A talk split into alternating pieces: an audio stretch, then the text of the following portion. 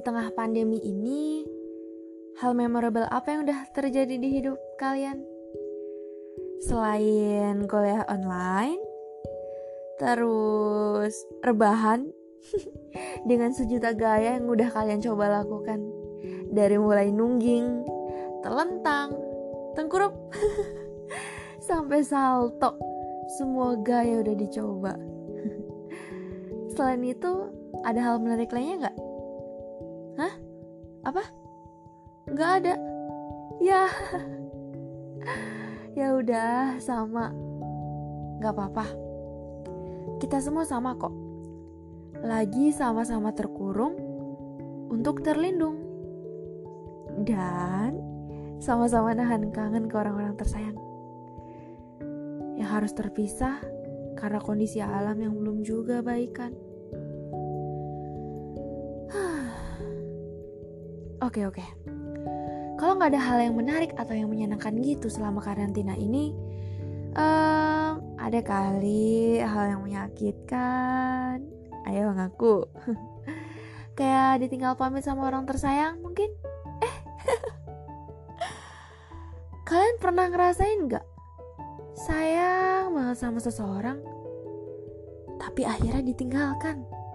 Aduh, kasihan banget sih mana mau lebaran, lagi pandemi gini, eh ditinggalin pula. Aduh, sempurna udah. So poor of you. Padahal nih ya, kalian tuh udah berusaha buat jadi rumah yang tepat buat dia. Rumah yang teduh, nyaman, dan melindungi dari hingar-bingar duniawi. Tapi sayangnya, Rumah yang kalian maksud itu belum jadi rumah permanen untuk dia. Belum jadi rumah yang tepat buat dia. Hah, kasihan ya. Terus nih, di saat kalian ditinggalkan gitu, pasti ya gak sedikit dari kalian yang memilih untuk bertahan. Ya kan? Berusaha untuk mempertahankan suatu hubungan sebagian dari kalian itu pasti percaya. Kalau survive pada satu pilihan itu merupakan hal, merupakan hal yang istimewa. Dan kalian percaya bahwa survive pada satu pilihan itu akan menghasilkan benefit yang luar biasa tentunya. Ya nggak?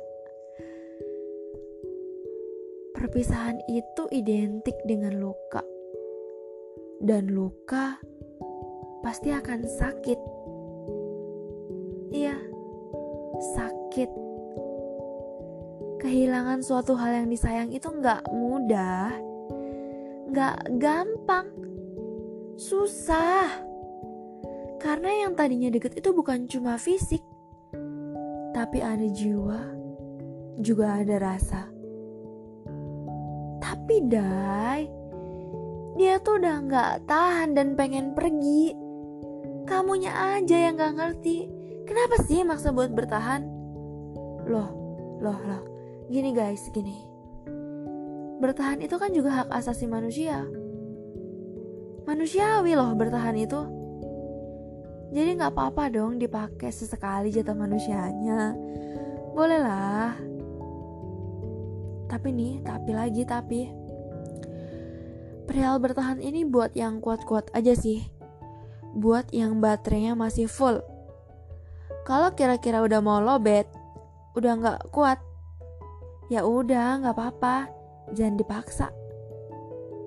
Mau nggak mau harus rela kehilangan. Jangan paksa kamu untuk pura-pura kuat ya, nggak baik. Dan jangan juga paksa dia yang udah mau pergi untuk tetap di sisi. Mencoba untuk mempertahankan boleh. Boleh. Tapi kalau untuk memaksakan kehendak, no. Jangan ya.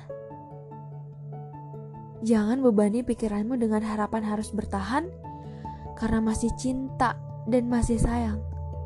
Sedangkan dia udah gak mengharapkan dan udah berpamitan. Mungkin emang letak kebahagiaanmu bukan pada dia, bukan pada dia yang menyanyiakan orang setulus kamu. Perihal rasa itu bisa menguatkan, tapi bisa juga merapuhkan. Jadi, mau sampai kapan berjuang dan sayang sendirian?